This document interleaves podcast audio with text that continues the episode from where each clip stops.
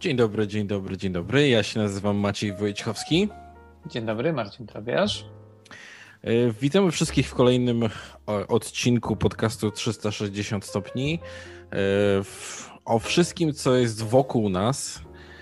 I wokół nas jest również internet. W internecie się spotykamy, w internecie publikujemy, więc e, bardzo dobrze się składa, że naszym, e, naszym sponsorem jest firma Joomla Monster, która e, dostarcza wielu ciekawych szablonów, jeżeli chodzi o strony internetowe ciekawych. Mam na myśli e, takich szablonów, jakich można używać do robienia stron internetowych, e, tych najlepszych stron internetowych, bardzo profesjonalnych stron internetowych, sklepów internetowych i nieważne jaki macie biznes, czy jest to duża firma i potrzebujecie zrobić stronę, która prezentuje tylko wizerunek firmy, czy też jest to mniejsza firma, mały sklep internetowy, czy macie pensjonat i chcielibyście zaprezentować E, swój pensjonat światu, czy też jest to jakiś klub, jakieś e, e, stowarzyszenie. Znajdziecie wszystkie szablony na stronie Joomla Monster. Ja tutaj, tutaj w rogu pokazuje się mniej więcej strona, jak to wygląda i u góry strony możecie zobaczyć taki pasek, który, który daje 20% rabatu ale jest to wąskie okno, więc y, musicie dobrze na to trafić i macie kod, który wpisujecie, więc zachęcam. E, nieważne, czy potrzebujecie faktycznie dla swojego biznesu, czy dla swojej firmy, której jesteście pracownikiem, e, albo może robicie strony internetowe, warto obejrzeć e, i warto zobaczyć, jakie rzeczy Joomla Monster ma na swojej stronie, dlatego że to są nie tylko rzeczy estetyczne, czyli właśnie te szablony, które pokazują mniej więcej zawartość strony, ale też mechanizmy właśnie, które, które można wykorzystywać do działania strony do sprzedaży, do zarządzania swoim sklepem. To tyle. Zachęcam do, e, do wizyty na stronie naszego sponsora i oddaję głos Tobie. I jestem bardzo ciekaw, jaki masz temat, i aż się boję. No tak. E, taki wstęp od razu zmusza mnie do tego, żebym rzeczywiście opowiedział o, o czymś co najmniej kontrowersyjnym. I rzeczywiście E, dzisiejszy temat jest bardzo świeży, ponieważ wyrok został wydany kilka godzin temu, a chodzi o sprawę e, dość głośną e, w ostatnich tygodniach, miesiącach w Polsce. Dwojga naukowców. Mm, chodzi dokładnie o panią profesor Barbarę Engelking i pana profesora Jana Grabowskiego, którzy od wielu lat zajmują się badaniem zagłady Żydów w czasie II wojny światowej E, wydali na ten temat wiele różnych publikacji. Jedną z ostatnich sprzed dwóch lat jest dwutomowa monografia Dalej jest noc, która opisuje e, trzecią fazę, głównie trzecią fazę zagłady Żydów, czyli tą już po likwidacji get e, na terenach wiejskich, ponieważ jak wyglądała historia Żydów na terenach miejskich, e, wiele razy o tym E, pewno słyszeliśmy i czytaliśmy, oglądaliśmy e, filmy, oglądaliśmy pianistę Romana Polańskiego, więc jakby ta sfera mm, Holokaustu jest dużo bardziej opisana i jest dużo więcej, powiedziałbym, wspomnień, dowodów, materiałów. Natomiast na terenach wiejskich tak naprawdę niewiele, o tych miejscach niewiele wiemy. E, I oni zdecydowali e, się przeanalizować e, obszar, mm, o ile dobrze pamiętam, ośmiu powiatów w Polsce i zbadać historię zagłady na tamtych terenach. Skąd się wziął problem?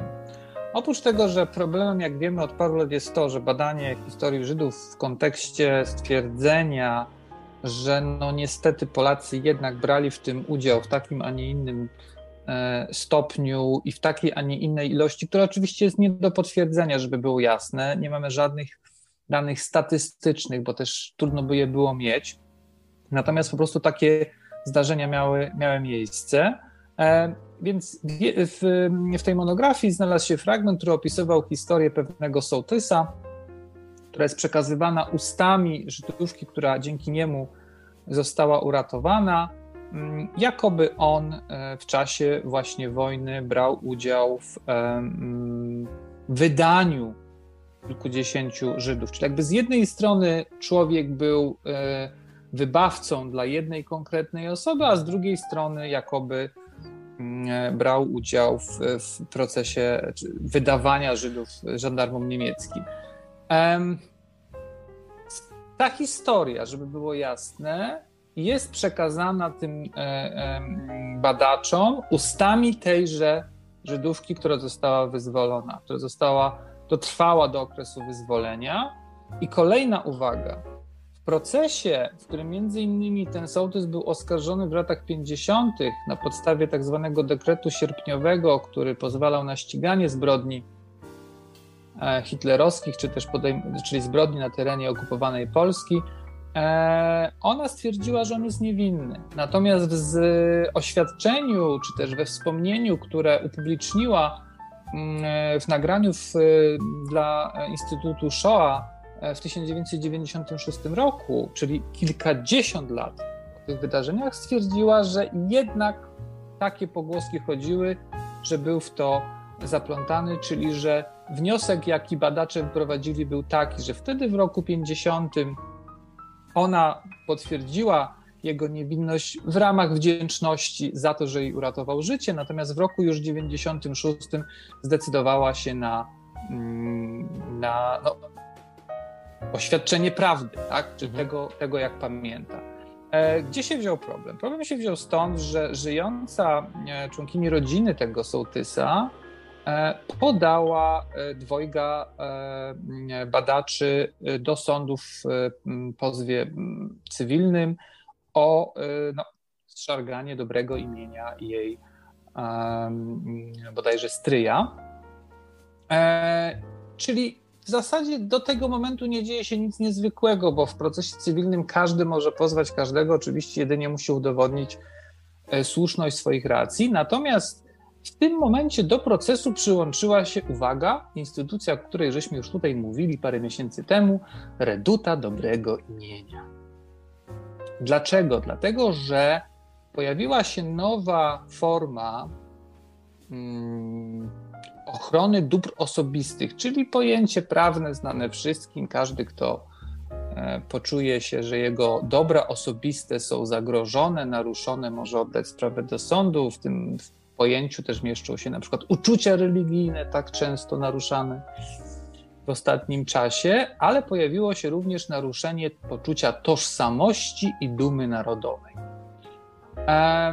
To już mówię od strony tej reduty dobrego e, imienia. Czyli sprawa stała się poniekąd polityczna, bo jak wiemy, Reduta Dobrego Imienia jest instytucją, która dość hojnie jest wspierana przez nasze e, państwo. Z drugiej strony jest to instytucja, która jak pamiętamy z e, kilku, e, z odcinku, z odcinka przed kilku miesięcy pilnuje tego, aby o Polakach mówiono dobrze, a tam, gdzie mówi się źle, to ona to zlicza i pokazuje, że o tu mówiono o nas źle. Um, Ale to jest tak uznaniowe. To jest to mega jest... uznaniowe. Tak. E... Natomiast na czym, jak się ta historia kończy? Bo, bo ta historia się dzisiaj skończyła w pierwszej instancji, czyli mhm. Możemy domniemać, że będzie, że będzie druga instancja. E... Sąd stwierdził, że mm, oboje muszą przeprosić tą urzeczoną panią E, za e, rzeczywiście stwierdzenie mm, nieprawdy, albo inaczej, za brak wystarczających dowodów na to twierdzenie, że on jednak był, nazwijmy to kolokwialnie, zaplątany w wydawanie Żydów, natomiast w żaden sposób nie nic innego sąd nie zdecydował. Tam chodziło również o dodatkowe zadośćuczynienie pieniężne w wysokości 100 tysięcy złotych. Sprawa stała się głośna na tyle, że również międzynarodowe instytucje w przeciągu ostatnich kilku y, tygodni pisały oświadczenie w obronie naukowców, bo zagrożenie było takie, że jest to jakaś forma prewencji, mogłaby być to jakaś y, y, forma prewencji ze strony sądu albo ze strony państwa polskiego mhm. nałożenia pewnej cenzury na badania E, naukowe. Czyli, że jeżeli badasz i wychodzi ci, że Polacy byli bohaterami walczącymi o wolność naszą e, i waszą, to jest w porządku. Natomiast jeżeli wychodzi ci z badań, nie daj Boże, że jest inaczej, to raczej jakby tych badań nie należy prowadzić. E, tak się nie stało, e, więc jakby uważam, że, że, że sprawiedliwości stało się zadość.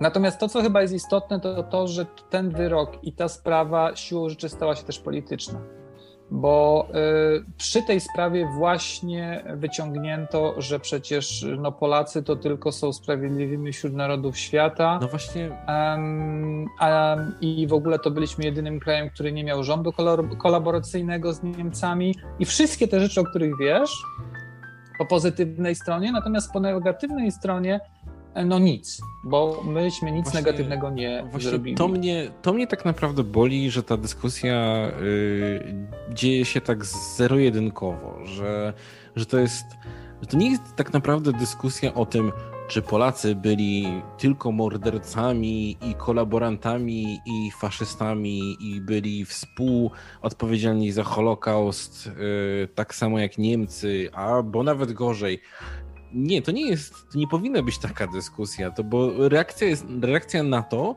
jest właśnie taka, jakby takie były zarzuty. E, I, e, I, nie rozumiem, dlaczego tak ciężko przychodzi przyznanie, że no tak, były przypadki takie i były przypadki takie. A Dokładnie. takie przypadki były w każdym narodzie, w każdym kraju. Dlatego, że Naturalne jest odrzucanie y, inności i jakichś ludów, które nie asymilują się do końca, y, nie jest dobre i musimy pokonywać w sobie te pierwsze odruchy, żeby przyjmować in, i tak zwanego innego, y, a pierwszym odruchem jest odrzucenie, a odrzucenie może przybierać różne, różne postacie. I, yy, I ta dyskusja od dłuższego czasu jest właśnie taka, że, mm, że te reakcje są właśnie takie, jak mówisz, że jeżeli ktoś mówi yy, w sposób inny od idealizującego, inny od mówiącego Polacy tylko ratowali Żydów i w tym instytucie Yad Vashem jest najwięcej Polaków uhonorowanych, jeżeli chodzi o ratowanie Żydów E, i takie przypominanie tych faktów i tak dalej. E, jeżeli ktokolwiek tylko od, odejdzie e, choć trochę od tego standardu, to jest oskarżany o bycie antypolskim, co jest niesamowite. Czyli jeżeli ktoś powie, że Polacy nie wszyscy Polacy są idealni. O, nie wszyscy Polacy są idealnymi ludźmi. Nie wszyscy Polacy są To jesteś antypolakiem. To jesteś teraz. antypolakiem. Dla mnie to jest niesamowite. To mi przypomina to, co już zapewne na podcaście mówiłem. I to mówił e, Kurt Vonnegut, że największym przestępstwem Amerykanina jest powiedzieć, że Ameryka nie jest najfajniejszym krajem na świecie. E, I to tak, jak największym, największą antypolską działalnością jest powiedzenie, że nie wszyscy Polacy są idealni. To jest bez sensu. To jest bez sensu, dlatego że wiadomo, że tak nie było Wiadomo, że Polacy, e, Polacy byli antysemitami, Polacy zabierali Żydom ich własność, Polacy byli współodpowiedzialni za to. I to są rzeczy, i niektóre z tych rzeczy są udowodnione i miały miejsce.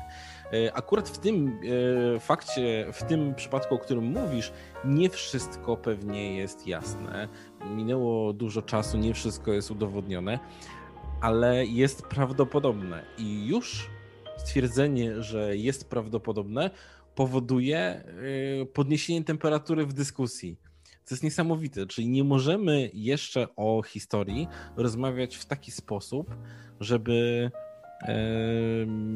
żeby móc ją jakoś podsumować, żeby móc zróżnicować postawy, jakie były e, w czasie wojny i po wojnie. Nie możemy tego jeszcze zrobić. Nie. To jest znaczy, niesamowite, bo minęło czasu naprawdę Wiesz co, dużo. nigdy nie mogliśmy tego zrobić, patrząc na historię e, Polski w XX wieku, bo z kolei przed wojną były, mm, były spory odnośnie po pierwsze odzyskania przez Polskę niepodległości, kto się dlatego bardziej zasłużył, Piłsudski, Dmowski czy, czy Paderewski i tak dalej. E, również kontrowersyjne były powstania narodowe, bo jeszcze żyli ostatni mm, biorący w nich udział, czyli mówię o powstaniu, powstaniu styczniowym i tak dalej, i tak dalej. Dzisiaj my się spieramy o temat, mm, który zakończył się 80 lat temu, który miał miejsce 80 lat temu, ale myślę, że spieramy się z dwóch powodów. Po pierwsze, dlatego, że nigdy ten temat nie został przerobiony, czyli zarówno po II wojnie światowej, jak i po roku 90 obowiązywała mniej lub bardziej upowszechniona narracja bohaterska. Kropka, tak? Czyli jest, byliśmy bohater, znaczy bohatersko, e, z jednej strony byliśmy bohaterami, z drugiej strony byliśmy ofiarami. E, czyli byliśmy ofiarami niemieckimi, byliśmy bohaterami e, z uwagi na to, że walczyliśmy w taki, a nie inny sposób w kraju, za granicą. Po 90 roku okazało się, że e, walczyliśmy równie bohatersko na zachodzie, jak i na wschodzie, a w zasadzie na zachodzie bardziej niż na wschodzie. Wcześniej było odwrotnie. Do tego doszedł kult żołnierzy wyklętych i od tych kilkunastu lat do tego doszło jeszcze że w zasadzie robiliśmy tylko dobre rzeczy. Robiliśmy tylko dobre rzeczy i ci, którzy głoszą, że robiliśmy złe, oczywiście marginalnie tak mogło być, ale te złe udowodniały, że robiliśmy tylko te dobre. E, I na tym się kończyła zazwyczaj mhm. dyskusja. I teraz, jeżeli ktoś, kto od wielu, wielu lat, tak jak e, ta dwójka bohaterów, o których mówiłem wcześniej, przeprowadza badania, mm, nie nakierowane wcale na udowodnienie za wszelką cenę, że Polacy wydawali Żydów, tylko nad samym zagadnieniem związanym z zagładą Żydów, podczas którego wychodzą takie, a nie inne historie, bo również w tej, w tej monografii, którą przeczytałem, e, są również podawane przykłady pozytywne, czyli sporej ilości Polaków, którzy zdecydowali się na ukrywanie Żydów, którzy zdecydowali się na, im, e, na ich pomoc, co więcej, zapłacili za to najwyższą cenę, czyli po prostu zapłacili za to życiem. Historyk dla mnie ma wskazać na fakty w pierwszym elemencie, w drugim elemencie ma prawo do ich opiniowania, tak jak powiedziałeś przed chwilą, czyli określenia ze swojej własnej perspektywy, co jest mniej lub bardziej prawdopodobne, jeżeli faktów nam ostatecznych brakuje. Trudno, żebyśmy wszystkie fakty mieli, wiadomo, jaki to był czas. Możemy dyskutować o tych opiniach, czyli może wyjść dwóch historyków, co się często dzieje, mhm. tak? I jeden mówi, że on jednak to widzi bardziej od tej strony, a drugi mówi, że on jednak to widzi od drugiej strony. Natomiast y, zdrowym elementem dyskusji jest zazwyczaj to, że co do faktów się nie spierają. Natomiast w tym momencie mamy do czynienia z narracją, w której fakty są negowane, części, umniejszane, a nikt z, ani z y, historyków, nazwijmy to strony badającej, ani zaprzeczającej, nie są w stanie pokazać liczb bezwzględnych, to o czym powiedziałem wcześniej, czyli żeby na przykład stwierdzić, że zdanie większość Polaków zachowywała się tak i tak. Nie, nikt nie może sobie na takie coś pozwolić jako na e, e, stwierdzenie faktu. To jest element ocenny, czym była większość, na tak, jakim terenie. Tak w jakim czasie, w jakim ale miejscu. Jeszcze, ale my jeszcze reagujemy, nie jesteśmy jeszcze w stanie y, tak obiektywnie powiedzieć, że działy się takie rzeczy, że jednak nas to boli na tyle, że, reaguje, y, że reagujemy alergicznie. Y, jakiś czas temu pojawiła się wiadomość, że Lynette Dunham, znana z serialu Dziewczyny, ma wystąpić w filmie, który jest na podstawie powieści, która dzieje się w Polsce. I to będzie filmowane w Polsce. E, a fabuła polega na tym, że ona przyjeżdża, ona jako amerykańska Żydówka przyjeżdża do Polski ze swoim dziadkiem, chyba ojcem, bo też to się chyba dzieje e, albo w latach 90., początek lat 90., coś takiego. E, I są tam, jest podniesiony jakoś, no jakby w tle na pewno stosunki polsko-żydowskie, jako że to są Żydzi, którzy mieszkają w Nowym Jorku i przyjeżdżają tak. do Polski. I polskie komentarze pod zapowiedzią filmowania tego są nawet bez znajomości fabuły. Są już właśnie reakcją alergiczną. I o, pewnie znowu będzie o tym strasznym polskim antysemityzmie. Takie są artykuły, takie są komentarze. Ja w tym momencie oczywiście nie wytrzymałem i mówię, no ale tak komentujecie, jakby tego antysemityzmu nigdy nie było w żadnym stopniu, nigdy tak.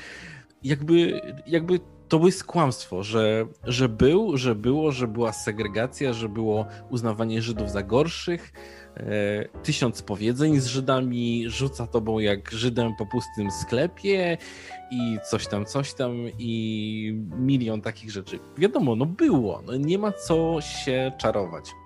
Nie chodzi o to, żeby teraz wiecznie się biczować, tylko żeby po prostu przyznać, że było. Jest to część naszej historii. Nie do końca yy, yy, sobie teraz właśnie z tym radzimy. Z, z przyznaniem tego, że tak było i pójściem dalej. Nie mówię właśnie, że, że chodzi o rozdrapywanie ran, że chodzi o yy, totalne przyznawanie, znaczy nie przyznawanie winy. No tak, no przyznawanie. Znaczy wiesz co, branie pod uwagę tego. Y, uważa to za politykę wstydu. Um, ja to uznaję za politykę prawdy, wiesz o co chodzi. E, ale to, to nie ma znaczenia, bo tym rządzą emocje. Wiesz też dlaczego? Bo każdy naród potrzebuje jakiejś tożsamości. Każdy naród potrzebuje jakichś powodów do dumy narodowej. No i chyba najbardziej dla mnie zabawne w tym wszystkim jest to, że w polskiej historii takich elementów naprawdę nie brakuje. To znaczy, gdybyśmy e, próbowali pokazać uczciwie i tą stronę negatywną, i tą stronę pozytywną, to po tej stronie pozytywnej jest wystarczająco dużo elementów, na których możemy sami dla siebie, bez ukrywania e, niewygodnych faktów, zbudować jednak pozytywny obraz naszego, e, tak. naszego narodu. Tak. E, I to jest dla mnie, ten powód jest dla mnie tym bardziej właśnie niezrozumiały, dlaczego za wszelką cenę staramy się udowodnić na przykład, że wszyscy żołnierze, tak zwani żołnierze wyklęci, e, to byli bohaterowie. No, no, nie byli, tak? Tak samo jak nie wszystkie postawy w czasie II wojny światowej, a to był okres wojny, o czym też zapominamy i nie możemy przykładać miary tak. dzisiejszych tak. norm etycznych do tamtej rzeczywistości, też były postawy negatywne Wiesz, i tak dalej, i tak dalej. Bezwzględna arytmetyka każe uważać, że gdyby wszyscy ratowali Żydów, to nikt by nie zginął i gdyby wszyscy walczyli z okupantem, to okupanta by się wypchnęło, tak? Jeżeli każda e, osoba... Zgadza się, to tak samo jak byli Polacy, którzy donosili, y, którzy byli konfidentami, którzy donosili gestapo, E, ukazała się chyba już ponad 10 lat temu świetna pozycja o znamienitym tytule Szanowny panie Gestapo, ponieważ to był fragment autentycznego listu donosicielskiego skierowanego do siedziby Gestapo na Alei Żucha w Warszawie, w którym donosił o tym, że sąsiad XYZ ukrywa Żydów, albo też ukrywa skarby, albo też ale coś ukrywa na pewno. Nie wiadomo, co ukrywa, pewno, ale coś na pewno ukrywa. Znaczy, ta, ta publikacja składała się y, z szeregu zachowanych do dnia dzisiejszego autentycznych listów.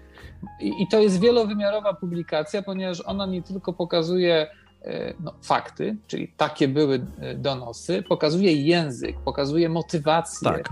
E, tych ludzi, tak. pokazuje powody, dla których oni się tak. zdecydowali na donoszenie. No i już, ale to jest fakt. A ja pamiętam jeszcze o podobnej pozycji, która ukazała się ale ukazała się y, z donosami z UB y, z jakiś tam spory okres y, za komuny. Więc no, to jest ponadczasowe. W tym momencie też są donosy od życzliwego do urzędu na skarbowego. Pewno, na pewno. Te, sprawdźcie, czy on płaci podatki, bo on coś zbyt dobrym Podejrzewam, samochodem że zmieniła się Więc tylko forma, jest... czyli że tak. dzisiaj są maile, a nie, tak, a nie dokładnie. Listy.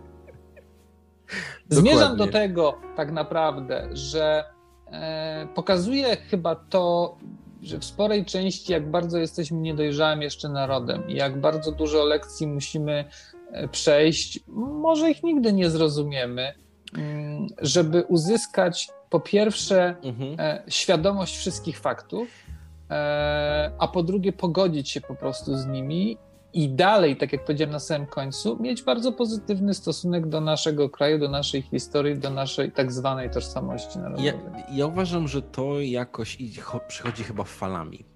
Dlatego, że w swoim czasie Stany Zjednoczone potrafiły spojrzeć na swoją historię, jeżeli chodzi o traktowanie czarnoskórych obywateli, jeżeli chodzi o traktowanie rdzennych y, mieszkańców Ameryki i, e, i potrafili spojrzeć i potrafili to podsumować. I jakimiś ten, tam na przykład rezultatami tego jest na przykład zdelegalizowanie Krzyża Południa, tej flagi e, tak. Południa, która była symbolem niewolnictwa. Ale z drugiej strony jest mnóstwo głosów, które podnosi, e, które podnosi to, że to jest duma narodowa i to jest część naszej tożsamości i tak dalej. I to ja widzę podobne podobne spojrzenie na to wszystko, że, że, że krytykę e, historycznych zachowań niektórych ludzi, może nawet sporej części, ale no jakiejś tam części społeczeństwa, uznaje się za absolutną krytykę całego narodu w całej jego całości e, i koniec. Jest to, jest to takie. Mm, takie charakterystyczne dla kogoś, kto jest w kimś zakochany. Jeżeli kogoś kochasz, jesteś zakochany w jakiejś osobie, to najmniejsza krytyka pod adresem tej osoby boli cię bardzo. Więc to jestem, zrozumie- jestem w stanie zrozumieć, że ktoś kocha naszą ojczyznę, Polskę. I po prostu i, i, go boli bardzo, że ktoś. Słuchaj, to, to jest ta romantyczna. E, to jest ta romantyczna wersja tak. Ja jednak patrzę na to z drugiej strony, czyli że to są. To, to jest taki zespół niepewności własnej, e, wątpliwości własnej, e, braku jakiegoś drogowskazu e, odnośnie tego, kim jestem, skąd pochodzę, co we mnie y, tkwi, że potrzebuję tutaj jasnego przekazu. I teraz, jeżeli ten przekaz jest jednolity, w tym wypadku bohaterski. W tobie płynie krew bohaterskich obrońców ojczyzny. E, to jest to świetna podstawa do tego, żeby z tym żyć i funkcjonować. Jeżeli ten przekaz jest niejednolity na zasadzie, no wiesz, może trochę kropli bohaterskiej, ale czy też i kropli konfidentów, nie wiadomo to już się robi problem. Oczywiście teraz trywializuje, ale wracając do tego, co powiedziałeś o, o zagranicy, żeby też być uczciwym, w każdym z krajów, autentycznie w każdym z krajów są tego typu same wyzwania, więc tutaj nie jesteśmy. Tak, mamy przecież cały zachód Europy z e, całym kolonializmem, który naprawdę Dokładnie. nam się znaczy wydaje, mam... że o, fajnie, że są kraje afrykańskie, w których e, językiem drugim jest francuski. O, takie Ale skąd fajne, on się że... tam wziął? Skąd on się tam wziął i co ci Francuzi tam nawywijali, to są zupełnie inne. Znaczy, mamy Francuzów, którzy mają tak. problem też z okresem II wojny światowej i ewidentnej kolaboracji państwa Vichy. Mamy problem z Norwegami, też mają swojego tak. Kislinga i, i kolaborację. Mamy problem amerykański, o którym wcześniej wspomniałeś, czyli kwestia ludności rdzennej, tak zwanych Indian, i kwestia e, rasizmu w stosunku do e, ludności czarnoskórej. Mamy problem kanadyjski, który również e, doczekał się jakiegoś finału kilka lat temu, czyli przeproszenia rządu kanadyjskiego za to, co zrobiono z ludnością e, e, rdzenną. Mamy problem australijski odnośnie aborygenów. Tak. Więc idąc w ten, e, idąc w tą stronę, absolutnie masz rację. Każdy kraj, każdy naród ma do przerobienia swoje, swoje, swoją przeszłość. Rosjanie mają też problem z. Znaczy, Rosjanie mają, powiem szczerze, mają, mają szereg problemów. To w ogóle jest historia, tak? Bo tu mamy kwestię komunizmu, tu mamy kwestię jest... rozpoczęcia II wojny światowej Rosjanie kwestię... nie mogą się doliczyć, wiesz, kilku milionów swoich obywateli, e, którzy w Dlatego papierach tak. zaginęli. Wyszedł z domu i nie wrócił. Znaczy tam już jest statystyka, tak, masz rację, idąca w miliony, więc zmierzam tylko do tego, że nie jesteśmy ewenementem, więc z tej Zgadza strony się. mnie to nie dziwi, ale mówię, z drugiej strony o tyle jest to dla mnie zaskakujące, że teoretycznie wydawałoby się, że historia powinna zostać zostawiona badaczom, tak? Czyli jakby tak, jest to temat się to podsumować i po prostu zamknąć i, i przyznać Tylko się, pytanie było, tak jest było, materiały są takie. istotne i tu już jakby jest pytanie istotne chyba dla każdego z nas, który ma po prostu dzieci, co się znajdzie w podręcznikach do historii? Bo pytanie jest teraz o przekaz, bo umówmy się, że to, co jest w podręcznikach do historii w szkole podstawowej czy w szkole średniej jest przekazem bardzo uproszczonym. Wiele niuansów się E, pomija. I teraz jest pytanie dla mnie takie, co mamy tam pokazać? Mamy tam pokazać to, że był e, Mieszko, który świadomie przyjął chrześcijaństwo, bo naprawdę tak uwierzył w tą religię i na podstawie tej religii chciał zbudować nowoczesne polskie państwo, czy mamy pokazywać prawdę, mamy pokazać fakty, może nie prawdę. I tak o każdym elemencie naszej historii można go pokazać od kilku różnych stron. Tylko na ile ten przekaz ma być z jednej strony uproszczony i zrozumiały, bo on musi być uproszczony, a z drugiej strony no, niezbyt odległy po prostu od faktów, biorąc pod uwagę odbiorcę. Widzisz, i trochę jest też tak, że znowu wszystko spoczywa na barkach tego jednego, biednego człowieka, który jest nauczycielem. Żeby, A, myślałem, że powiesz, że na barkach tego jednego człowieka, który się nazywa Jarosław Kaczyński, musi podjąć decyzję. Nie, no masz nie, rację. Tak, nie, tak, wiesz o co chodzi, że ja na przykład mam, mogę, wspominam sobie moich nauczycieli historii i miałem niesamowite szczęście, że zawsze po, potrafili mi pokazać coś więcej niż było tylko w podręczniku coś yy, pokazać mi związek przyczynowo-skutkowy, pokazać mi prawdę właśnie obiektywną, że było tak i było tak i jest to wszystko jakoś zniuansowane. Miałem no, tylko jednego nauczyciela z historii, który był, yy, który był fatalny i wygłaszał swoje po prostu przekonania polityczne. Więc faktycznie y, można się zastanawiać, co będzie w podręcznikach, y, ale znowu, no nie jesteś w stanie umieścić wszystkiego w podręcznikach. Nie, nie, nie o to mi chodzi. zrobić, wiesz... Wiesz, absolutnie nie o to mi chodzi. Bardziej no. mi chodzi o to, że możesz do tego podejść tak. E, albo od strony właśnie takiej mega bohaterskiej, czyli przedstawić historię Polski w wymiarze tylko pozytywnym, e, lub możesz próbować zbliżyć się do przekazania e, faktów, tak? Czyli, że były okresy, w których sami sobie zrobiliśmy podgórkę i dlatego się tak. to skończyło tak, jak się skończyło. Dokładnie. A były też okresy, w których inni nam zrobili po prostu podgórkę i, i mieliśmy przemarsz, e, przemarsz wojsk z lewej do prawej i odwrotnie. Um, I tylko ile o to mi chodzi. Ile musi lat minąć, żebyśmy byli w stanie obiektywnie podsumować, żeby nie było e, oskarżenia o antypolskość, żeby nie było właśnie rozrywania koszuli i, e, i oskarżeń U nas? właśnie antypolskimi. Ile to musi minąć nas... czasu? Bo ja sobie wyobrażałem, że już trochę czasu minęło jednak, więc... Wydaje mi się, że co najmniej patrząc na to, jak wyglądają dzisiejsze spory polityczne, może inaczej, spory historyczne w układzie politycznym, bo, bo to jest jakby. Polityka historyczna, przypominam. E, tak, takim... polityka historyczna. E, to e, muszą, mówiąc brutalnie, zejść z tego świata ostatni świadkowie e, tamtych wydarzeń. I to jest pierwsza cenzura czasowa. E, ale zawsze masz tych, którzy żyli zaraz po nich i słyszeli opowieści z ich ust, które następnie przekazują, twierdząc oczywiście, że było tak, jak usłyszeli od tych, którzy odeszli. Więc nie wiem, ze trzy pokolenia. Dzisiaj nie ma sporu w opinii publicznej na temat Piłsudski versus Dmowski. To podaję taki standardowy przykład. Mhm. Ten, spór Zgadza nie funkcjonuje. Zgadza się. To jest spór historyków, bardziej ludzi zaangażowanych w, w te tematy. Czyli możemy powiedzieć, że upłynęło no 90 lat, 100 lat od tamtego okresu, kiedy spierano się, e, kiedy ten spór miał miejsce czyli wiek, innymi słowy, czyli 100 lat, jakby. Tak. Okej. Okay. 100 lat. 100 lat. Znaczy, to jest zarazem toast, więc to może być toast, y, jaki sobie składają historycy.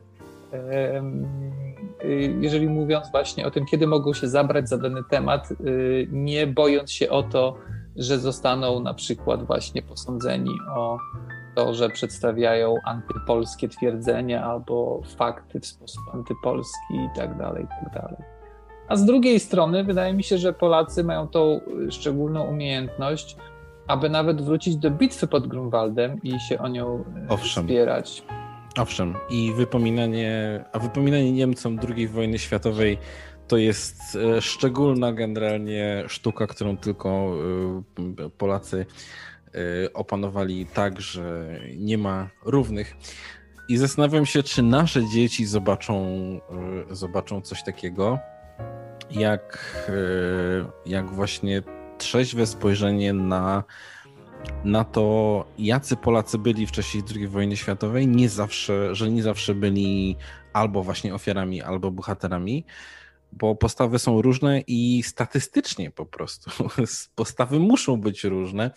E, I zastanawiam się, czy nasze dzieci jeszcze, e, czy już nasze dzieci będą w stanie zobaczyć e, takie dyskusje, które będą dopuszczały nawet takie postawy, dopuszczały istnienie takich e, postaw i że będą dwie strony, które nie będą się kłóciły o to, czy to w ogóle miało miejsce, tylko w jakim stopniu to miało miejsce. Może o. Bo w tej chwili dyskusja jest zero-jedynkowa. Nie nie było i, i wspominanie o czymś takim jest właśnie antypolskie. A, a propos dzieci, chciałem przejść do tematu, który yy, może być, yy, no na pewno jest kontrowersyjny. I to chciałem wspomnieć o tym a propos dyskusji, która miała miejsce w zeszłym miesiącu we Francji. a to dyskusja zaczęła się, kiedy kiedy miała miejsce e, propozycja wprowadzenia usankcjonowania tak zwanego wieku seksualnego w, e, we Francji. Ale to nie jest tak do końca, dlatego że ten wiek, który po angielsku nazywa się Age of Consent. Dlaczego Age of, age of Consent? Czyli wiek zgody. E, czyli to jest wiek, powyżej którego zgoda na współżycie seksualne ma znaczenie, a poniżej jest po prostu karalne, bądź też musi być e, sprawdzone, czy przypadkiem nie doszło do przestępstwa. I to wydaje się oczywiste. Wydaje się oczywiste, że poniżej jakiegoś wieku trzeba, trzeba chronić. Natomiast w prawie francuskim takiego wieku nie było. I ten przepis, który, e, który miał być wprowadzony, miał e, sankcjonować jako przestępstwo opcjo, obcowanie e, z małoletnim poniżej wieku 13 lat. I e, niektórzy odebrali to jako obniżenie age of consent francuskiego do 13 lat, a to absolutnie nie jest prawda. Czegoś takiego, e, czegoś takiego Francuzi nie zrobili. U nich jest to ustawione w wieku 15 lat mniej więcej. I to się u nich nazywa zupełnie inaczej oni się nazywa to jako wiek seksualnej większości. Tak to się nazywa, tłumacząc e, e, w pełni. E, to, co wprowadzili Francuzi, jest w Europie obecne w dwóch krajach. To znaczy bezwzględne karanie obcowania seksualnie poniżej tego wieku. I to jest we Włoszech i na Węgrzech. I na Węgrzech to jest 12 lat, a we Włoszech 13. W żadnym innym kraju w Europie to nie jest wprowadzone. To jest ciekawe.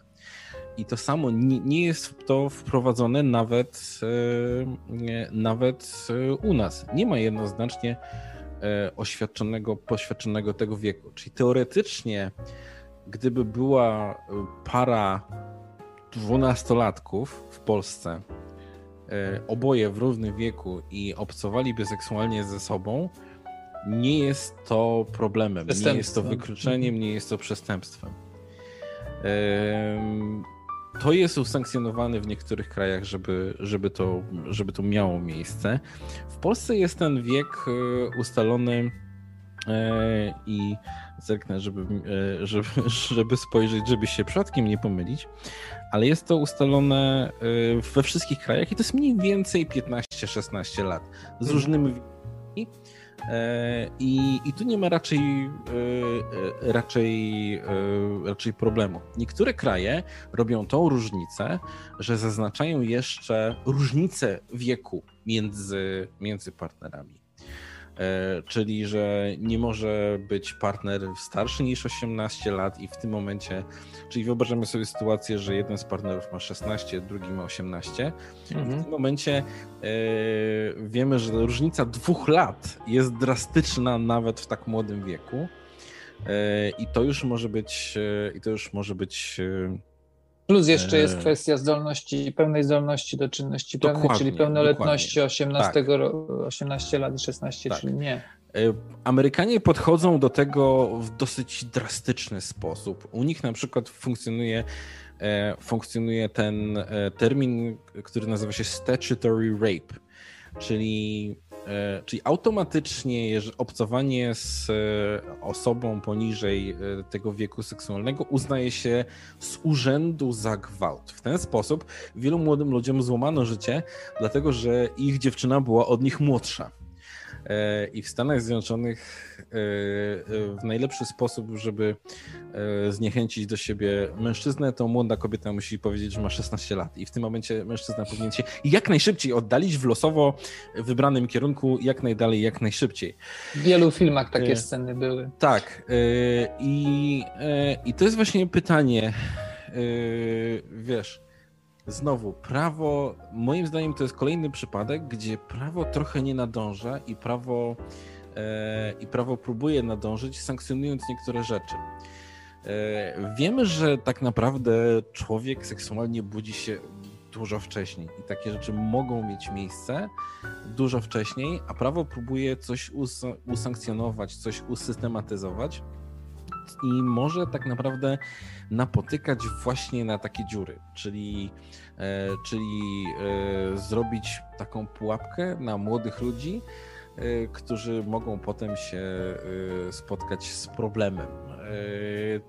W Stanach ja pamiętam, że była taka mowa o, o kilku takich przypadkach, gdzie był normalnie związek, który potem stał się małżeństwem, ale ten człowiek według prawa był przestępcą seksualnym i musiał być wpisany na rejestr i musiał, i takie też w Stanach, na pewno nie w każdym stanie, i przeprowadzając się gdzieś tam musiał e, e, przejść, e, pójść do wszystkich sąsiadów i powiedzieć, no taka sytuacja, jestem wpisany, są takie strony internetowe, gdzie jeżeli wpiszesz właśnie jakiś tam no, po ich niemu powiat czy hrabstwo, to mhm. pokazuje ci generalnie twarz, imię i nazwisko, wiesz, gdzie ten człowiek jest. E, więc e, ciekawi mnie to, e, jak to wygląda wszędzie i ciekawi mnie, czy przypadkiem to nie będzie w Polsce jeszcze bardziej zmienione. Bo jeżeli spojrzymy na Polskę, to w, w Polsce jest to nieograniczone związkiem, bo kolejny, kolejny taki roz, rozgraniczenie wieku seksualnego jest czy kontakty seksualne miały miejsce w związku, czy nie. W Polsce tego nie ma. W Polsce nie ma rozróżniania prawnie, czy to ma miejsce w związku, czy nie. Co też jest ciekawe, bo, yy, bo znowu no, to też jest yy, to też jest grząskie. Czyli jeżeli ktoś ma mniej niż 15 lat i obcuje seksualnie z osobą, która ma mniej niż 15 lat, i jest w związku, to powinno być to inaczej traktowane niż nie w związku, ale to w tym momencie pozostawiamy. Czy to jest pytanie, do... czy powinno być? No, na pewno powinno się inaczej na to spojrzeć czy powinno się spojrzeć łagodnie, czy nie, czy powinno być to usankcjonowane, czy nie. Różne kraje różnie do tego podchodzą, bo u nas jest 15 lat i nie ma to znaczenia, a w innych krajach jest to obniżone do na przykład 14 lat, ale w związku. I jest to jasno powiedziane, że musi być to w związku. Oczywiście, jak w tak młodym wieku decydować, co jest związkiem, kiedy związek się zaczyna, czy jest to związek poważny, czy nie i tak dalej. No znowu, to już są takie rzeczy, że nie zazdroszczę tym sędziom, który, którzy muszą takie rzeczy rozstrzygać. Ale, yy, ale znowu to jest ciekawe, kiedy prawo musi, yy, musi nadążać nad takimi rzeczami. Wiesz co? Yy, to jest jedno ujęcie, czyli że dążenie y, do tego, aby prawo e, regulowało wszystkie sfery życia, tak? To jest jakby jeden trend.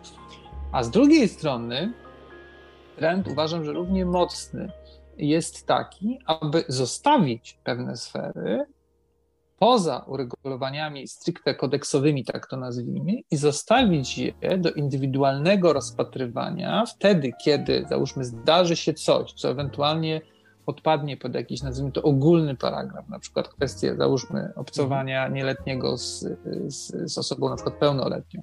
Jak a propos Stanów, przypomniała mi się historia sprzed kilku lat, nie wiem, czy pamiętasz, kiedy nauczycielka była w związku z, ze swoim uczniem e, bardzo nieletnim, w efekcie czego ona rzeczywiście trafiła mm, przed sąd, trafiła do więzienia, po czym e, kiedy wyszła, to stali się parą z tymże rzeczonym uczniem, który już był pełnoletni. Ale do czego, do, do, do czego zmierzam? Że nie wiem, które wyjście w tej konkretnej sytuacji jest lepsze, czyli brak uregulowania i zostawienia Dokładnie. tej sfery taka, jaka ona jest, e, czy też nadmierne uregulowanie, co z kolei powoduje, prawda, e, też często opór, e, opór, wśród, opór wśród ludzi. Polski brak uregulowania jest tutaj dość ciekawy, patrząc na to, jak bardzo oficjalnie purytańskie społeczeństwo u nas mamy. Czy jest potrzeba tego uregulowania? Nie słyszałem o takich pracach, powiem szczerze. Ostatni temat, który jakby z tej sfery mm, gdzieś tam staje się coraz bardziej popularny, to ewentualna propozycja zniesienia rozwodów. Ale jakby to już jest ten etap, etap dalszy. Tak, tak. Natomiast I sięgną... można się z tego śmiać, ale jeżeli zobaczyć, kto podnosi ten temat, to podnoszą ten temat ci sami ludzie, którzy pracowali przy ustawie antyaborcyjnej, więc yy, w tym momencie ten śmiech powinien troszeczkę. Yy, to znaczy, wiesz co, ja jednak wciąż się śmieję, ale mhm. jakby ten śmiech mi tak zastyga, zastyga e, w, tak. yy, lekko, bo zastanawiam się nad tym ja rozumiem, z czego oni, znaczy rozumiem, nie zgadzając się, z jakiego wychodzą założenia. Rozumiem też, że staty, statystyki rozwodowe w naszym kraju są takie, jakie są. Bodajże 40% związków e, średnio się rozpada, e, co z kolei jakby jest standardem w tego typu rozwiniętych, nazwijmy to rozwiniętych państwach, tak?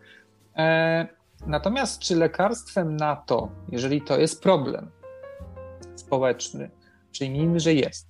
E, czy lekarstwem na to jest e, rozwiązanie atomowe? Bo to jest rozwiązanie atomowe, czyli że nie. Nie. No nie. Czy to jest rozwiązanie? E, tego nie wiem. Trochę tak ale... tak jest właśnie, że, że mamy pojęcie państwa opresyjnego że państwo powinno zakazywać, że państwo powinno ścigać, że państwo powinno. I to cały czas jest w naszych głowach. Myśmy o tym gadali już parę razy. Tak. I ja też uważam, że wciąż tkwi w naszych y, głowach obraz państwa jako tego pana, który nad nami rządzi i on będzie nas kontrolował, sprawdzał, a nie kogoś, kto jest przyjazny i ma pomagać i ma y, tak, jak jak Pan Bóg za dobre wynagradzać, ale za złe karać, ale niekoniecznie. Przedłużenie, Niekoniecznie wiesz, szukać niekoniecznie szukać na ciebie bata. Niekoniecznie, jeżeli jest z czymś problem, to od razu zakazywać. Rozmawialiśmy ostatnio o legalizacji marihuany. Tak. E, I to jest taki sam temat, że jeżeli coś okazuje się być praktycznie powszechne, to zakazywać tego to jest tworzenie martwego prawa i wciąż kontynuować to, co jest w społeczeństwie polskim moim zdaniem problemem, czyli braku poszanowania dla państwowości, braku poszanowania dla prawa, bo jeżeli prawo jest nieżyciowe, jeżeli prawo jest nie do, yy, nie do nie do, e, nie do respektowania w 100%, to zmusza tak naprawdę obywatela do bycia, e, do bycia wyjętym spod prawa. Do, I teraz uwaga, go na margines. Ale Polacy uwielbiają być właśnie w takiej sytuacji. I to jest właśnie problem, Ponieważ bo im się to jesteśmy... kojarzy z byciem e, właśnie tym powstańcem walczącym z, z, znaczy, z opresyjną Do niedawna jeszcze, bo to się powoli zmienia na szczęście, ale rzeczywiście wartością E, było to, jak mogłeś państwo e, ścignąć na coś, czyli jak mhm. nie zapłacić podatku, tak? Jak nie spełnić jakichś wymagań i tak dalej. To było wartością samą w sobie, bo przynosiło się jeszcze z czasów, kiedy to państwo rzeczywiście było, nazwijmy to nie nasze, tak? Było państwem opresyjnym. Z drugiej strony, jeżeli państwo jeszcze w tym wszystkim, o czym mówisz, jest niekonsekwentne, to znaczy, jeżeli z jednej strony zakazuje tejże marihuany, z drugiej strony natomiast używki, co do których szkodliwości nikt nie ma najmniejszej wątpliwości. Najmniejszej wątpliwości. Mówię na przykład o papierosa, mówię na przykład o alkoholu i tak dalej. E, e, jedynym, co państw, w czym państwo jest zainteresowane, to to, żeby jak największą akcyzę, akcyzę e, tam przywalić, no to tak na logikę człowiek się zastanawia. Aha, czyli to można, ale kosztuje dużo, tego nie można, bo mi szkodzi, ale w zasadzie teoretycznie szkodzi mi mniej, więc gdzie tutaj jest jakakolwiek konsekwencja? Nie ma. E, wracając do tego, do, tak. do, do, tego, co powiedziałeś na początku a propos tego wieku. Jedno, co tak sobie myślę z punktu widzenia uregulowania, to jest ten wiek minimalny, tak? Bo ja rozumiem tak. kwestię e, założenia takiego, że jeżeli nie traktujemy osoby poniżej pewnego wieku jako osoby dorosłej, ani nawet mającej ograniczoną e, zdolność, tak, ograniczoną zdolność do czynności prawnej, czyli po prostu, że nie jest świadoma rzeczy, działań, które, które może podejmować, czyli innymi słowy, że ktoś może z tego skorzystać. Mhm. Wiadomym jest, że na podstawie przepisów ogólnych jesteś, na przykład przepisów dotyczących gwałtu, przemocy i tak dalej, możesz to ścigać. Czyli to nie jest tak, że to nie jest sfera nieuregulowana, żeby było jasne. Tak? Mhm. Tak? Dodatkowo może być to jeszcze obciążone dodatkowym jakby paragrafem czy, czy sankcją związaną, jeżeli jest to osoba właśnie nieletnia albo jest to osoba, która na przykład jest w jakikolwiek sposób inny ograniczona, typu ma jakąś chorobę i tak dalej, i tak dalej. Więc teraz jest pytanie, czy jeszcze dodatkowo to wzmocnić poprzez ustanowienie linii wiekowej, ale tutaj zaraz zacznie się wiesz jaka dyskusja nad. Czy to jest 12, 13? Tak, czy, czy to jest 12, czy to jest 13, czy w mhm. opinii psychologów, tak, czy tak. w opinii lekarzy. I to jest e... ciężka dyskusja. Czy mężczyzna, czy kobieta? Bo A widzisz, możemy... i tu chciałem właśnie powiedzieć. I no. tu chciałem powiedzieć, dlatego że żadne z państw w Europie nie różnicuje między płcią jedną a drugą. Jest jedno państwo, które to robi. I daje, yy, i daje uwaga, mężczyźnie 16, a kobiecie 14. I proszę mi teraz powiedzieć, jaki to jest kraj. I to jest jedyny, jedyne e, i daje tylko możliwość, e, tylko ogranicza, czy, czyli ogranicza bez ograniczeń, czyli nieważne czy w związku, czy nie. O, jest mhm. jeden kraj. Czyli mężczyzna powyżej 16 roku, tak, a, kobieta a, kobieta powyżej 14 roku 14, życia. Tak. Okej, okay, zacznę od tego, że brzmi to trochę logicznie, bo mężczyźni dorastają później, a czasem wcale. Ehm, dobrze, a kraj. E, mhm. kraj, czyli to. Pff, Jezu, nie wiem, no, no Europa, powiedz mi, czy Europa chociaż? Europa, ale kraj. Ja myślę, że kraj to jest nadużycie. Myślę, że państwo. No, dobra, Watykan. poddaję się. Właśnie myślałem o tym, ale, ale pomyślałem, że tak. nie, to niemożliwe. To jest możliwe. To generalnie oczywiście to jest rezultat jakichś starych przepisów, bo przecież e, no, nie można tu mówić o oby, obywatelach Watykanu, ale to po prostu wyciągnięto z jakichś starych dokumentów, że, e, że tak jest napisane, że tak powinno być. Ale to jest ciekawe, że, że to jest jedyny kraj, który różnicuje to, a we wszystkich innych krajach panuje równouprawnienie pod względem płci e, i nie rozróżnia się, jeżeli chodzi o płeć. Rozróżnia się natomiast faktycznie między byciem w związku, a nie, czyli to też jest takie bardzo życiowe podejście. E, I właśnie ale bardzo trudno, bardzo nieostre. Tak, tak jak bardzo nieostre, ale, Kiedy, ale tak. jak zadecydować, co jest w związku, co tak, nie, w przypadku właśnie, nastolatków tak, na przykład. Dokładnie. Którzy e, zazwyczaj mieszkają ze swoimi rodzicami, tak? Tak. E, osobno e, oczywiście. Tak, ale niektóre tylko właśnie kraje zdecydowały się na ustalenie tej bezwzględnej granicy. I ta propozycja właśnie była we Francji. I we Francji to ustalono, że jest to 13 lat. Ale rozumiem, że co, to wzbudziło we Francji jakąś tak, dyskusję? Tak, wzbudziło kontrowersję i to była dyskusja, bo wzięto to właśnie niewłaściwie za ustalenie niskiego age of consent.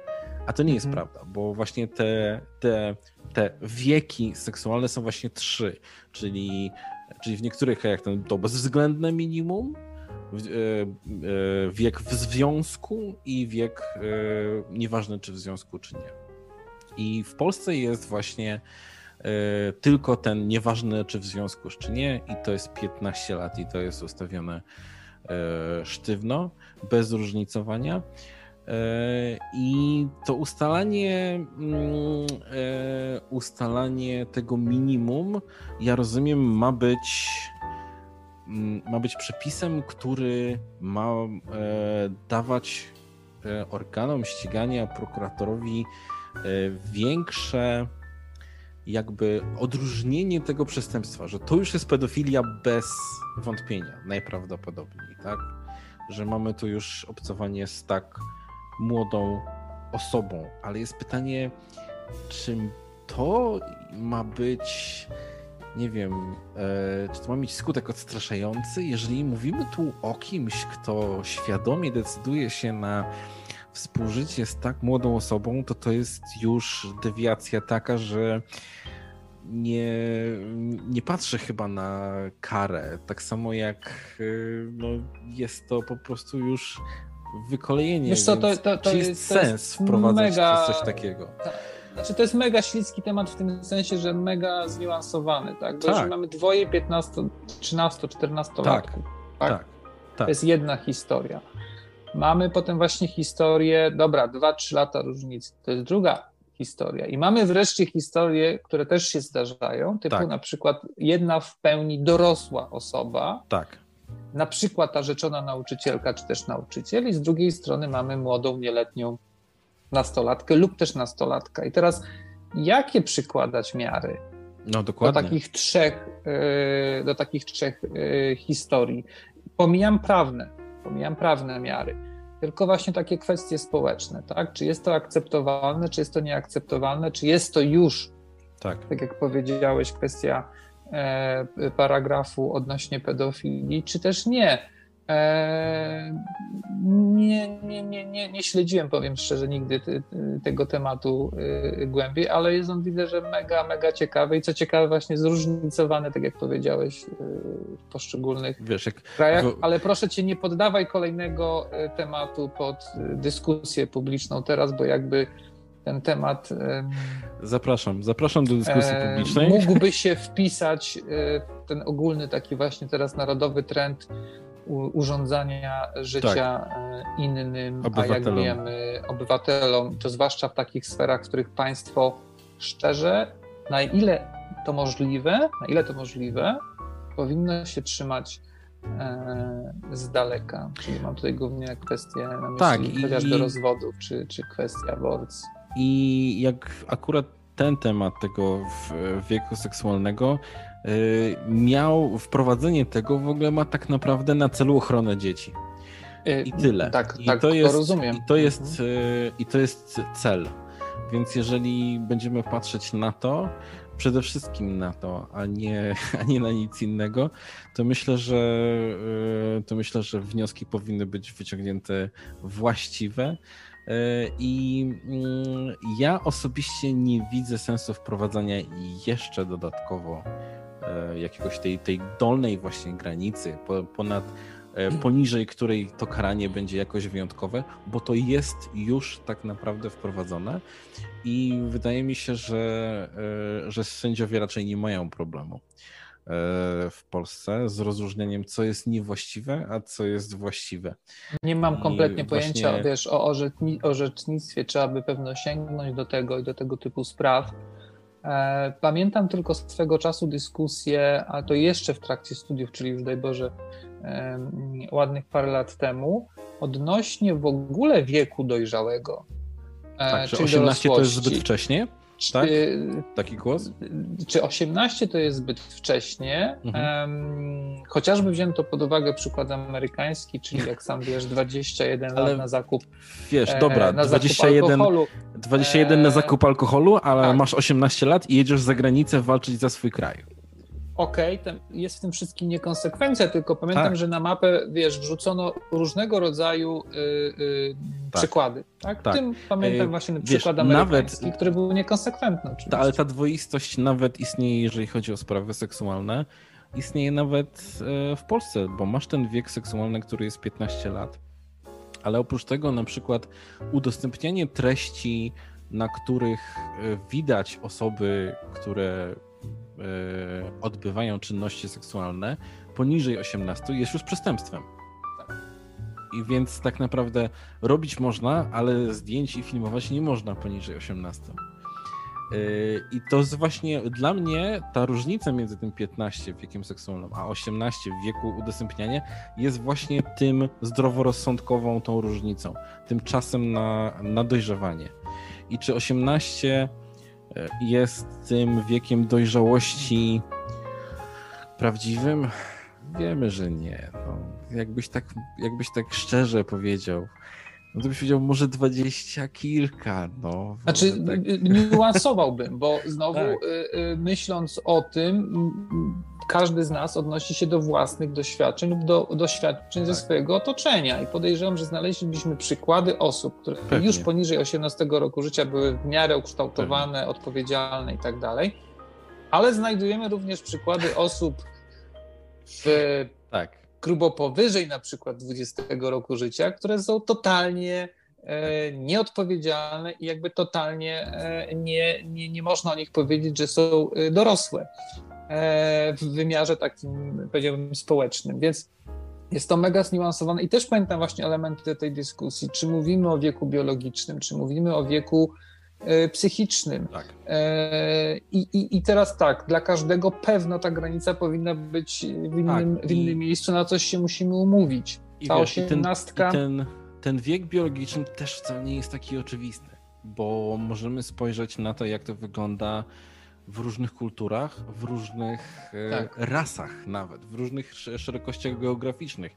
Czasami kobiety i mężczyźni dojrzewają szybciej w niektórych rasach i to tak wygląda, że no, spojrzałbyś na kobietę, pomyślałbyś, że ona ma dwadzieścia kilka lat, a okazuje się, że ona ma 14 lat, bo tak to wygląda, bo tak to biologicznie wygląda. To zwykle jest tam, gdzie jest cieplej.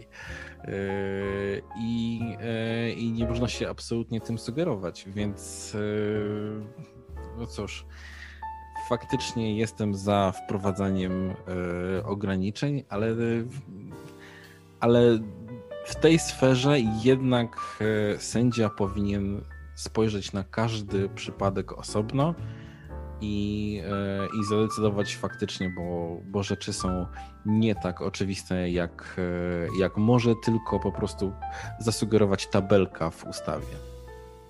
Ja mogę tylko powiedzieć tak, że w dzisiejszym odcinku dobraliśmy sobie tak fantastyczne tematy, fantastyczne. że. Nie pamiętam takiego odcinka, w którym byłby taki dwupak e, bardzo, tak. że tak powiem, ciężki e, I, gatunkowo. I ja jeszcze chciałem sam sobie pogratulować, że nie, nie zdecydowałem w tym odcinku jednego dowcipu z Romanem Polańskim, e, że dżentelmen kobiety o wiek nie pyta, ale już to zrobiłem, więc, więc nie. Nie, nie idźmy w tą stronę. A propos tematów filmowych, będę miał coś na następny odcinek, bo zrobiłem sobie swoisty maraton na Netflixie filmów historycznych polskich. O. Mm, między z jednym wyłączeniem, tylko wspomnę o tym, bo nie wiem, czy widziałeś. Y, film nosi tytuł Ostatni Świadek Katy. Nie jest to film polski, żeby było jasne. Nakręcony jest przez reżysera Polaka, który urodził się w Wielkiej Brytanii, także jest, jest, jest, jest Brytyjczykiem. E, bardzo ciekawy film, który przeszedł bez większego echa dwa lata temu wyprodukowany. E, obejrzałem również e, słynne Legiony. Również film sprzed, sprzed dwóch lat. Także tak, polskie kino na Netflixie ma się coraz, coraz To była lepiej. jakaś taka spora paczka właśnie rzeczy chyba od TVP. Te, to znaczy tak, bo, a jeszcze obejrzałem dwa filmy o Dywizjonie 303, czyli taka, też taki dwupak, Chciałem, bo one wyszły tak. w tym samym czasie. Ale one są e, razem na Netflixie? Oba? One są razem na Netflixie, także możesz sobie obejrzeć jeden o. i zaraz drugi i, i świetnie sobie możesz porównać, bo wbrew pozorom się naprawdę różnią. Nie będę mówił, który jest lepszy, który gorszy, bo to jest kwestia subiektywna, ale, ale różnią się w podejściu do tematu jak również jeżeli chodzi o kwestie, powiedziałbym, jakościowe, e, są mhm. one widoczne. E, także polskich filmów jest coraz więcej, w tym mówię filmów historycznych, Bardzo się cieszę, że w ogóle już bardzo płynnie rozmawiamy teraz o Netflixie, ale zmierzam do tego, że warto o tych filmach porozmawiać, dlatego poczekam, aż może obejrzysz któryś, któryś z nich, bo bo uważam, że warto, że, że, że na pewno warto, żeby sobie wyrobić zdanie, zwłaszcza, że upłynęło trochę czasu od ich um, premier, a pamiętam, że premiery, zwłaszcza filmów o Dywizjonie 303, były bardzo głośne, bardzo dużo recenzji się swego czasu e, pojawiło. Dokładnie. Tym bardziej, że one okazały się bardzo blisko siebie. Słabe co było ewenementem, dlatego że nie dość, że takich filmów nie było przez lat kilka, nigdy ich nie było, tak? Czyli jakby nigdy Division 303 nie został przez Polaków nakręcony czy zobrazowany. Bitwa o Anglię. E, tak, ale to był film angielski, tak. e, skądinąd całkiem, całkiem uważam niezły i wytrzymujący próbę czasu, bo też go widziałem całkiem niedawno temu, chyba jakieś 9 czy 10 miesięcy temu. Natomiast te dwa filmy wyszły w tym samym czasie, nakręcone przez inne ekipy, nakręcone trochę z innej perspektywy, na podstawie innych scenariuszy. Jeden jest oparty na książce Arkadego Fieldera Division 303, którą pewno pamiętasz z, z podstawówki jako lekturę. Rewelacyjna e, książka.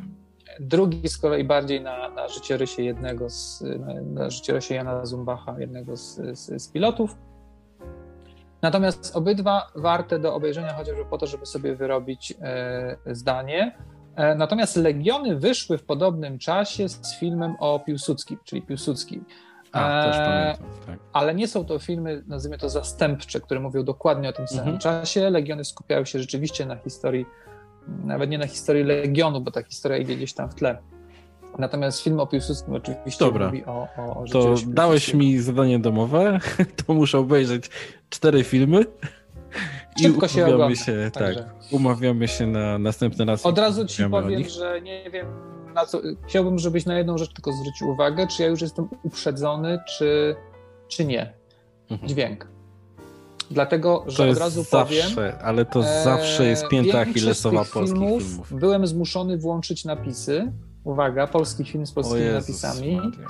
E, dlatego że rozkład dźwięków był tak nierównomierny, czyli dźwięki otoczenia versus dźwięki dialogów, łącznie z tym, że jeżeli był dialog dwóch osób, to jeden, jedna osoba mówiła bardzo głośno, druga mówiła tak cicho, że jej nie słyszałem. E, I teraz zastanawiam się, mówię, czy to jest tylko moje uprzedzenie, czy też nie i będę ci prosił wtedy o opinię twoją. Smutne, bo lata mijają, a to się nie film. zmienia. No nic, e, dziękuję bardzo. E, to jest polski film i to są polskie tematy, ale e, internet jest międzynarodowy i możecie, nieważne w jakim kraju jesteście, możecie ulepszyć swoje strony internetowe dzięki naszemu sponsorowi joomlamonster.com. Polecam jeszcze raz wizytę na stronie naszego sponsora i e, polecam e, obserwowanie góry strony, czy macie szansę na 20% rabatu przez e, ten happy hour, czy nie. I zapraszam na kolejny odcinek podcastu 360 stopni. Dziękuję, do widzenia. Dzięki, do usłyszenia.